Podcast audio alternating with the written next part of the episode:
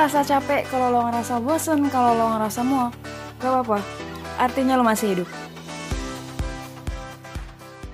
Selamat datang di Masih Hidup Podcast bareng gue Lulu. Dan gue dia.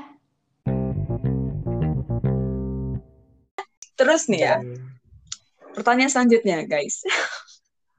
Dari tadi kita udah ngomongin nih cara didik waktu kita terus apa yang pengen diubah. Tapi kalau gue tanya, eh setelah berapa tahun nih kita 26 tahun ya?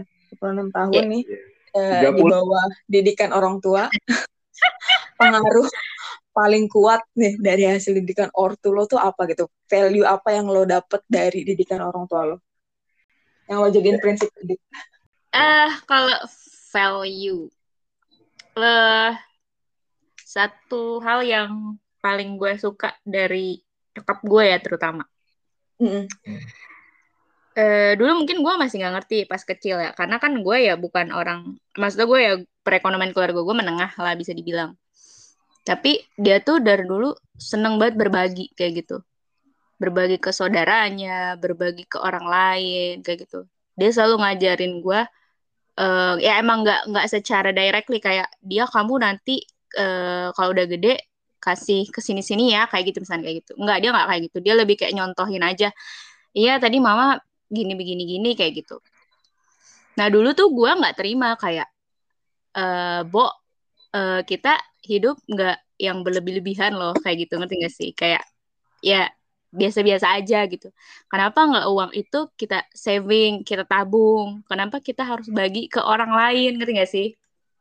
Nah Hmm. kayak dulu kan belum ngerti ya makna berbagi itu kayak gimana. Nah pas mulai gede tuh baru tuh Ternyata kalau kita bagi bagi ri- rizki yang udah Tuhan kasih ke kita buat orang lain, itu senengnya luar biasa gitu loh. Kayak iya lu beri, memberi kebermanfaatkan kebermanfaatan buat orang lain. Apalagi Hmm. yang lo bantu saudara lo sendiri kayak gitu loh. Kan juga apa namanya? Agama kita kan juga ngajarin ya kalau ya lebih baik kita tolong eh, saudara kita dulu sebelum kita tolong, tolong orang lain kayak gitu. Itu sih yang paling gue salut sama nyokap gue. Mau seberapa pun eh, apa uang yang ada gitu, dia selalu inget kayak saudara kita tuh masih banyak yang membutuhkan gitu. Jadi kalau kita mau spending money, kita pikir lagi gitu. Eh, lebih baik eh, uangnya buat bantu saudara-saudara kita. Itu sih yang paling ngena banget sampai sekarang gitu sama gue. Hmm. Oke, Oke, selanjutnya siapa gua? Gue ya, Fat ya. boleh. Kalau gua ada tiga sih, tiga poin. Dan ini sebenarnya bukan dari didikan doang, tapi dari cerita hidup mereka juga sih. Karena emang cerita hidup orang tua gue tuh kayak, apa ya?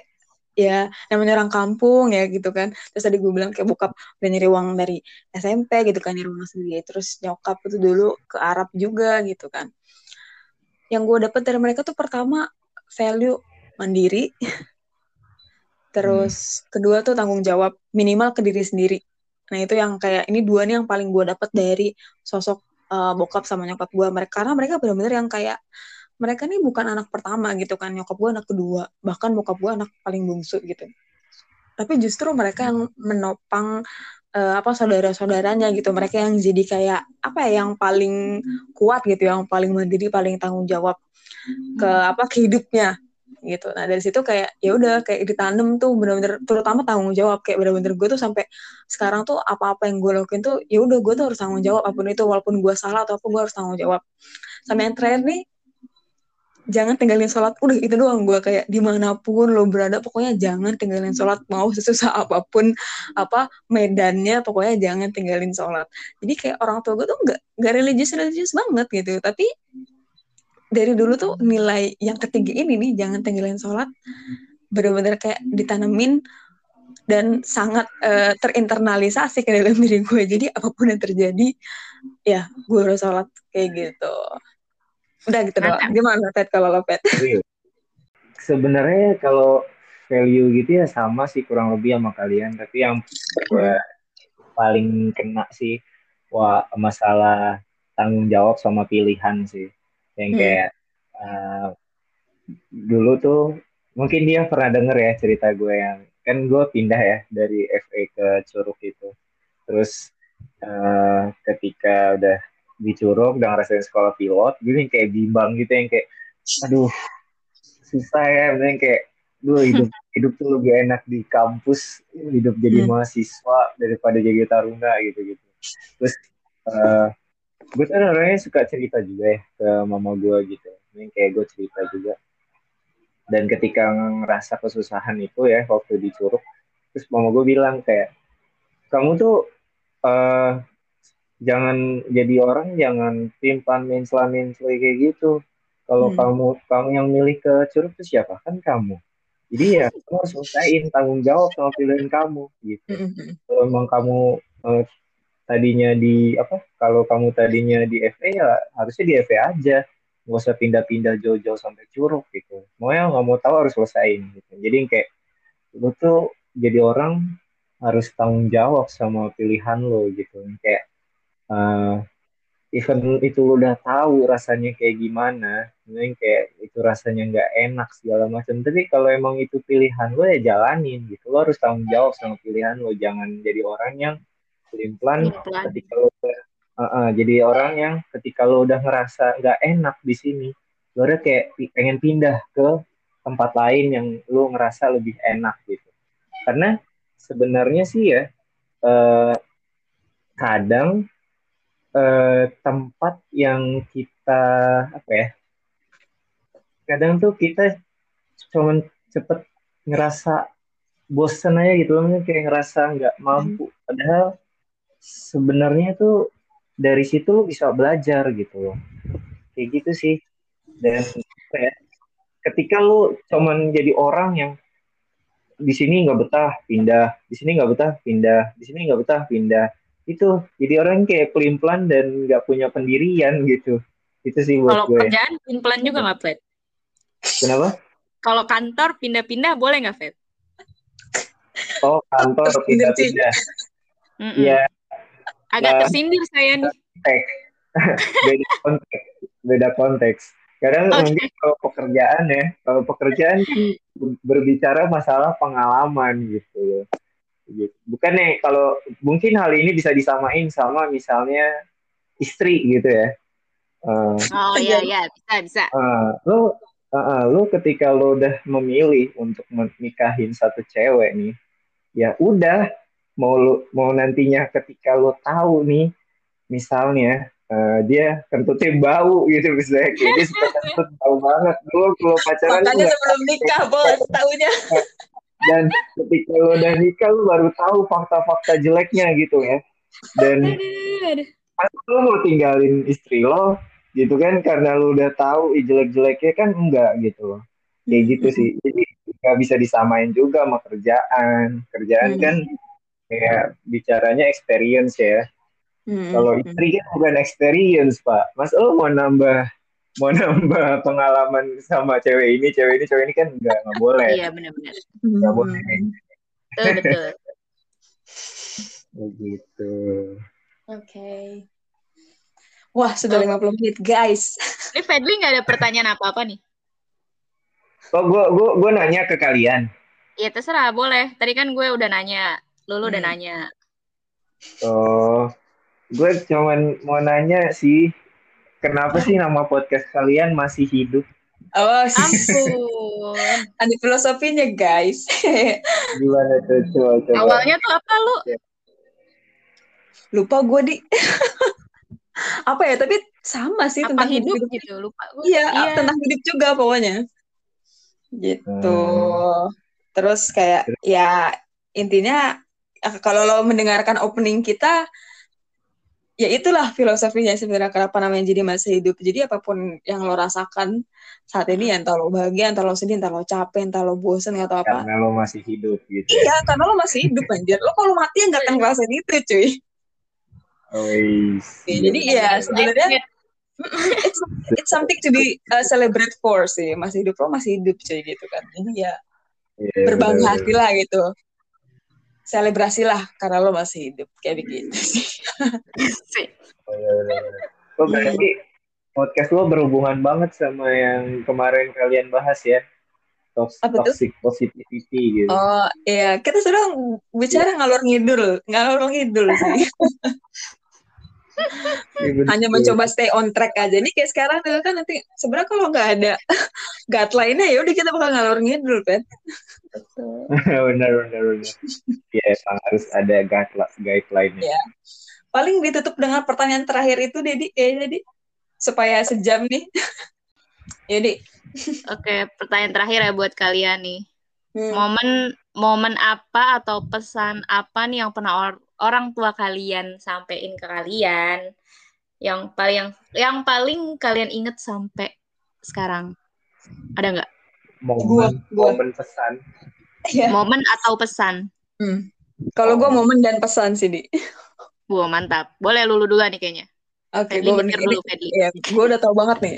Kalau momen gue sebenarnya udah pernah gue udah pernah sharing ini di instastory gue. Mungkin si apa? Mungkin dia juga tahu. Jadi momennya adalah ketika gue waktu itu tes pertukaran pelajar di Jakarta. waktu kelas 10 SMA kalau nggak salah. Ya kan gue emang gak punya kendaraan pribadi kan. Jadi gue sama bokap gue danterin bokap tuh ya naik kendaraan umum gitu kan, naik bis ke sana ke Jakarta. Waktu di Jakarta ini bokap gue tuh apa namanya ngebeliin gue makanan yang menurut gue mahal coy dua puluh ribu tuh mahal bagi gue Ya kelas 10 SMA ya, Bo. iya gitu kan terus abis itu pas sore setelah gue tes tuh makan lagi kan gue tapi bokap gue tuh nggak makan gitu kan. I wonder why gitu. Kenapa? Iya. setelah gue makan bokap gue baru ngomong gini. Kayaknya uang buat pulang ke Jakarta nggak cukup gitu kan. Anjir gitu kan. Dan gue tuh nggak bawa dompet sama sekali gitu loh. Oh. Terus terus gue inget gitu, gue tuh habis buka tabungan di BTN karena waktu itu disuruh gitu kan. Kayak apa tugas ekonomi gitu. Tapi ini ATM belum pernah gue aktifin coy. Kita akhirnya naik Kopaja nyari nyari nyari nih ATM BTN di mana gitu kan. Dulu zaman itu kan masih kayak ya internet HP gue masih HP Nokia titut-titut coy gue waktu itu. Gak tau kan, akhirnya tuh melalang buan aja nih Kopaja. Terus turunlah ketemu ATM BRI, dicobain di situ. Ya nggak bisa dong, ketelan kan. Iya. Astagfirullahaladzim. bokap gue bilang gini kayak oh ya udah nggak apa-apa apa kita coba aja dulu ke Sleepy gitu kan nah ya kan gue emang bukan dari keluarga berada gitu kan. Bokap juga pasti apa namanya gaji tuh ya udah habis gitu kok. Jadi kalau ditanya di ATM bokap gue ada uang apa enggak? Nggak ada gitu. Itu benar-benar uang tuh udah cuma gue nggak tahu tinggal berapa bokap gue. Uh, megang udah ceritanya di Sleepy gitu kan. Ini udah sore cuy hampir maghrib. Terus bokap gue bilang gini eh Pawa mau ke toilet dulu ya gitu tunggu di sini. Oke gue tunggu kan itu lama coy sumpah lama banget. Ini bokap gue ke mana? gitu akhirnya gue cari coy. Terus ada pos polisi gitu di Sleepy itu. Gue liat ke dalam pos polisi itu ada polisi sama bokap gue bokap gue tapi membelakangi pintu masuk gitu. Jadi dia nggak ngelihat ada gue di pintu. And you have to Hmm. know that gue melihat bokap gue minta uang ke polisi dan bilang bahwa uangnya nggak cukup buat pulang ke Serang jir coy. Lo bayangin depan mata lo lo menyaksikan itu coy. Anjir gue tuh langsung kayak sumpah gue merasa bersalah banget sama orang tua gue sama bokap gue sumpah. Kayak ya gila Hmm. bokap gue sampai segitunya coy demi gue kayak sampai ya bohong ke gue gitu kan terus sampai menahan malu minta uang ke polisi buat pulang gitu loh. Habis itu ya udah sih itu salah satu momen yang membuat gue tuh kayak apa ya eh, agak soft gitu loh kalau ke permintaan bokap gitu. Jadi kayak gue tuh nggak bisa ngomong enggak. Habis itu Mhm. lain itu ya sebenarnya jadi tumbuh apa ya rasa tanggung jawab gue juga dari momen itu. Kayak gitu. Itu momennya ya kan. Pesannya Ya. lagi-lagi dari almarhum bokap gue sih ini. Ini gue masih inget banget ini hmm, di suatu malam di tahun 2015 waktu itu gue semester berapa ya kita waktu itu ya? Semester lima kali ya 15, iya. ya semester Eh, lima ya belum. Iya, iya, iya, udah. semester lima nggak sih kan Semester tiga belas ya semester lima gitu. Aha. bokap gue pernah bilang gini papa tuh nggak punya harta buat diwarisin cuma satu yang bisa papa kasih pendidikan udah deh di Mhm. situ gue kayak ah oke karena memang orang tua gue kan dua-duanya lulusan SMA kan Yap. bokap nggak mungkin lanjutin karena emang gak ada biaya nyokap pun sama. Sebenarnya udah bisa masuk kuliah tapi ternyata ya itu karena orang tuanya nggak ada yang memperdulikan gitu kan karena cerai. Terus Mhm. kayak ya udah gitu nggak ada yang ngurusin sama. Jadi bokap eh nyokap gue malah ke Arab. Jadi kayak bener-bener yang mereka tuh pengen Mandiri. anak-anaknya Mhm. minimal sarjana semua gitu. Jadi kayak ya itu harta nggak ada tapi uh, Pendidikan. pendidikan yang bisa diberikan. Ya udah deh. Itu dah yang paling gue inget dari uh, bokap nyokap gue ya. Selanjutnya. Kalau gue ya uh, kalau uh, apa memori pahit uh, itu memori pahit. Dulu waktu ini pernah tuh waktu kecil uh, gue pulang sekolah ya. Waktu TK waktu TK pulang sekolah. Terus ceritanya uh, kelar kelar naruh tas segala macem masih pakai seragam kalau waktu terus gue main keluar keluar rumah. Biasalah kayak anak kecil ada keledekan gitu kan. Mm. terus gue saking panasnya diledekin kan. Gue kesel banget. Gue ambil batu. Gue anjir. Gue lempar. Gue lempar batu kepala temen gue kan. Bocor dong. Dong bocor. Hmm. udah panik tuh gue eh bener dong uh, dia bilang itu ada bokap gue ngeliat hmm. terus ditarik ke dalam rumah dipukulin habis-habisan gue pakai sapu keras banget sampai hmm. patah gue yang kayak waktu itu sampai gue gue sampai sekarang sampai inget ini kayak itu yang keinget sih gue itu yang makanya gue bikin uh, eh, gue nggak mau sih misalnya yang kayak nanti ke anak tuh keras kayak gitu gue nggak mau mm. terus kalau misalnya momen momen terharu nih agak-agak kayak si Lulu nih sebenarnya. Tapi enggak momen terharu. Momen haru tuh uh, waktu ini. Gue waktu mau ke Curug. Waktu mau ke Curug tuh gue naik angkutan umum. Waktu mau daftar pertama kali ya di lulus SMA. Mm. Gue naik angkutan umum. Itu gue gak tahu sama sekali curug di mana segala macam. Waktu itu gue cuma ditemenin sama mama gue naik bis. Kita beneran yang kayak itu lo turun yang di turunan yang ditung itu loh. Ditung. Serius itu perjuangan banget sama mama gue kayak sampai naik angkutannya ke dalam karena gue nggak tahu. Mm -mm. uh, dari pintu gerbang pintu pokoknya dari pintu gerbang curug tuh ke dalam asrama tempat pendaftarannya juga jalan kaki gitu. Anjir Terus, jauh banget. Iya jauh banget. Uh, apa namanya uh, terus waktu itu mama gue bilang kan ngeliat anak-anak curug kan ngeliat anak-anak curug pakai seragam gitu kan. Terus uh, mama gue bilang uh, apa sih nanti kalau abang pakai seragam kayak gitu mama senang banget gitu. Hmm. kayak wah jadi kayak apa ya kayak uh, sekaligus beban sebenarnya buat gua. Hmm. gila ini kayak gue harus bisa lulus nih bisa lulus. Eh ternyata hasil tidak sesuai dengan kenyataan kan? Hmm. kayak waktu itu wah karena sih itu pertama kalinya gue nangis. Kayak apa ya nangis depan orang tua. Langsung yang kayak ketika tahu gagal itu langsung nangis. Terus langsung meluk mama gue gitu yang kayak mm-hmm. apa ya? tapi jujur itu bikin lega banget. Kayak mm. apa ya?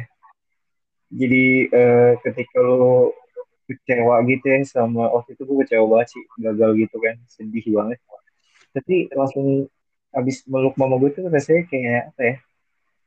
Uh, plong aja gitu. Uh, uh, kayak ya udah dan memang dan waktu itu jadi bebannya karena apa ya gak gak sesuai sama keinginan mama gue juga sih. Kayak gitu sih yang sampai waktu itu sampai gue inget dan masih ke bawah sampai di FE akhirnya gue nyoba lagi. Hmm. eh lulus. Eh lulus. Tapi mama gue lebih suka gue di FE. Enggak. Iya, lebih bangga jadi yellow jacket. Udah, inget ya sampai sekarang. Iya. Pesan ada nggak Fed pesan? Pesan yang tadi itu ya, masalah yang, yang kami jawab. iya. Itu sampai sekarang jadi ini go banget sih. Misalnya kayak uh, ketika lo udah milih satu ya itu jalanin terusin gitu jangan ketika udah ngerasa nggak enak terus lo mau sama pindah gitu dalam beberapa hal lu nggak boleh kayak gitu Good, good, good point. Yudi, gimana di dirimu? Oke. Kalau Oke. momen, ya momen gue nggak nggak seterharu kalian sih ya. Kalau ini bukan ini bukan lomba haru-haru aja. Iya. Tapi momen eh, apa namanya momen yang paling gue ingat sampai sekarang. Dulu kan gue tinggal masih di kontrakan kan. Mm. Dulu belum punya mobil. Dulu masih pakai motor pertama banget yang ada di keluarga gue. Itu motor GL Pro, masih inget banget gue. Itu eh, pulang kampung. Itu udah ada di gue. Posisinya masih bayi kali ya, kalau nggak salah. Gue tuh masih SD. Pulang kampung naik motor. Hmm, betul. Oke. Pulang kampung berempat sampai Solo. Eh dari ke Kota Arja dulu ke kampung nyokap gue, habis itu baru ke Solo. Itu sampai sekarang gue Berempat masih naik motor. banget. Yes, naik motor. Gue duduk di tangki bensin. Anjir. Uh, Karena memang gak ada tempat sama sekali, iya. Kayak Umur berapa itu, Di? SD cuy, SD. Oke. Wow. Itu kayak gila, udah kayak anjir hidup kok keras banget ya pantat gue panas banget asli gitu kan kayak. kayak udah gak tau lagi deh kayak udah aduh kok bokap gue kuat ya nyetir gitu kan capek banget ya nyetir ya. Mm-mm. Ya, kayak gitu terus gue cuma tidur doang kurang ajar banget gue gue bilang gitu kan tapi itu sih paling paling mengenang sampai sekarang momen itu sih momen perjuangan bokap nyokap kayak gitu terus kalau eh kalau pesan sih nggak direct banget sih ya nyokap gue eh pokoknya gue tuh emang ya itu tadi keluarga gue bukan orang yang kaya banget atau yang miskin banget nggak biasa-biasa aja. Nah terus eh, agak sama nih kayak orang tuanya Lulu. Eh, orang tua gue juga bukan lulusan e- sarjana kayak gitu. Cuman lulusan SLTA Hmm. Nah, jadi mereka tuh sama kok. Heeh. ya sama ya Vet ya Hmm, sama-sama. Dan pendidikan nomor satu sih. Betul. Kayak nyokap gue tuh eh dari pas SMA kali ya. SMA gue kan agak lumayan. Dulu tuh kalau nggak salah masih bayar deh. Waktu gue masuk SMA tuh SMA di Jakarta masih bayar belum gratis. Hmm. terus eh lumayan lah. Pokoknya empat ratus ribu kalau nggak salah per bulan deh. Mau mau 400 Hmm. itu lumayan banget buat keluarga gue saat itu gitu loh buat bayar bulanan sekolah saat itu. Apalagi baru punya adik. Kan gue sama adik gue selisihnya 8 tahun kan jadi ya dia masih kecil gitu lah masih butuh banyak biaya kayak gitu.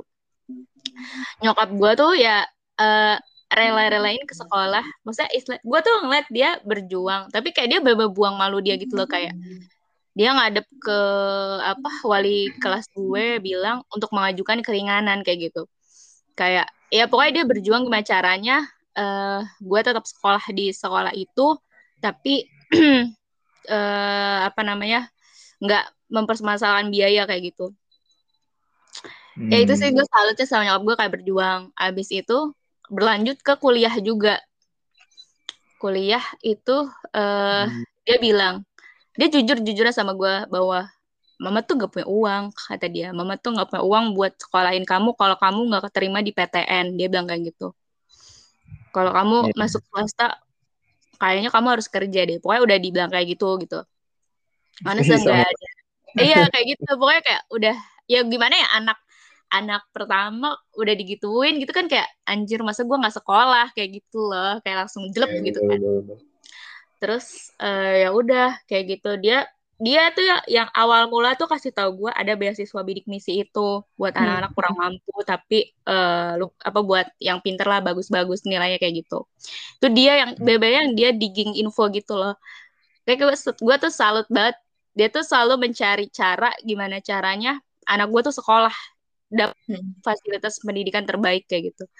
Dia pernah bilang bahwa cita-cita mama tuh dari dulu cuma satu pengen punya anak sarjana kata dia kalau eh, apa namanya mau kayak gimana mama banting tulang kata dia mama nggak peduli yang penting anak mama sarjana. Dia kayak anjir gitu kan kayak jelek gitu loh kayak Ih, oh my god iya. gitu kan. Ya, kayak gitu itu sih yang paling ini banget sampai sekarang. Makanya gue selalu ke adik gue juga gue bilang kayak gitu. Walaupun adek gue sekarang tumbuh di yang ya gue udah mendingan lah gitu perekonomian keluarga gue karena gue juga udah kerja kan jadi udah bisa bantu keluarga juga. Hmm. kayak gue bilang adek gue lo eh gue kayak selalu bilang lu enak eh lu nggak tahu dulu gimana jungkir baliknya mamah gitu kan. Gue bilang kayak gitu. Tapi eh apa ya jangan eh, lu apa namanya lu nggak ngegampangin lah intinya kayak gitu. Gue nggak mau adek gue ngegampangin fasilitas yang dia terima sekarang kayak gitu. Jadi ya lo tetap harus apa berjuang lah kayak gitu. Karena yang lo bisa andalkan nantinya itu cuma diri lo kayak gitu Benar-benar ya. ngomongin momen anjir sebenarnya banyak banget sih yang mau diceritain cuma ya sudah lah ya Iya. itu biarkan menjadi kenangan kita terus ya udah sih gitu aja paling ada lagi nggak yang mau diomongin Oh. nih Enggak itu aja sih. Cuman jadi ma- Kalimat- kalimat- sih. kalimat penutup dari uh, guest star kita kali ya di oke boleh boleh Gestar. Iya, Iya. sebelum ada tarifnya nih gestarnya iya cuy. Oh iya. Jangan lupa ya habis ini ditransfer ya. apa. Kalau gue sih ya, eh gue terima kasih nih sama masih hidup. Topiknya menurut gue bagus ya. Iya beneran maksud gue topiknya bagus. Jadi kayak kita ngerimain diri sendiri. Maksudnya yang kayak ada orang tua tuh ngedidik lo itu pasti ada positif, ada negatifnya, ada yang bisa lo tiru, ada yang bisa lo turunin nantinya ke anak lo, ada yang mungkin lo koreksi dari yang negatifnya itu. Terus ngerimain juga kalau banyak banget yang udah dilakuin orang tua buat lo sampai lo ada di posisi lo saat ini gitu. Mm-mm. banget yang udah dilakuin sama mereka. Dan eh lu tuh apa ya lu tuh nggak bisa ada di posisi ini juga. Jadi pribadi yang kayak lo sendi eh, jadi pribadi yang lo saat ini itu kalau nggak eh, dari nggak karena mereka gitu karena mereka yang ngebantu lo ngebentuk lo buat ada di sini gitu Yes. makasih banget nih masih hidup topiknya bagus banget Hmm, yes. Oke, kalau begitu, di eh, thank you banget Fadli yang sudah menjadi gestar kita malam ini. Mungkin nanti kita undang kembali ya dia kalau ada topik-topik eh, lain. lebih siap siap Yes. Iya. Gua Kita tutup aja kali ya. Apa tuh? Jangan lupa bayarannya. Oh ya. Itu bisa ditagih ke dia aja ya. Gue cuma tukang edit doang soalnya. Ya Jangan udah, lupa di sini manajer gue bakal ngubungin. anjay. oh iya baik siapa Anggit Anggit nih. Oke, kalau Duh. begitu gue tutup ya. Oke. Oke, semua. Eh, jadi itu obrolan kita tentang eh, pengaruh orang tua dalam kehidupan kita. Next time mungkin kita akan ngobrolin hal-hal yang serupa dengan eh, topik kali ini. Stay tune terus di Masih Hidup Podcast.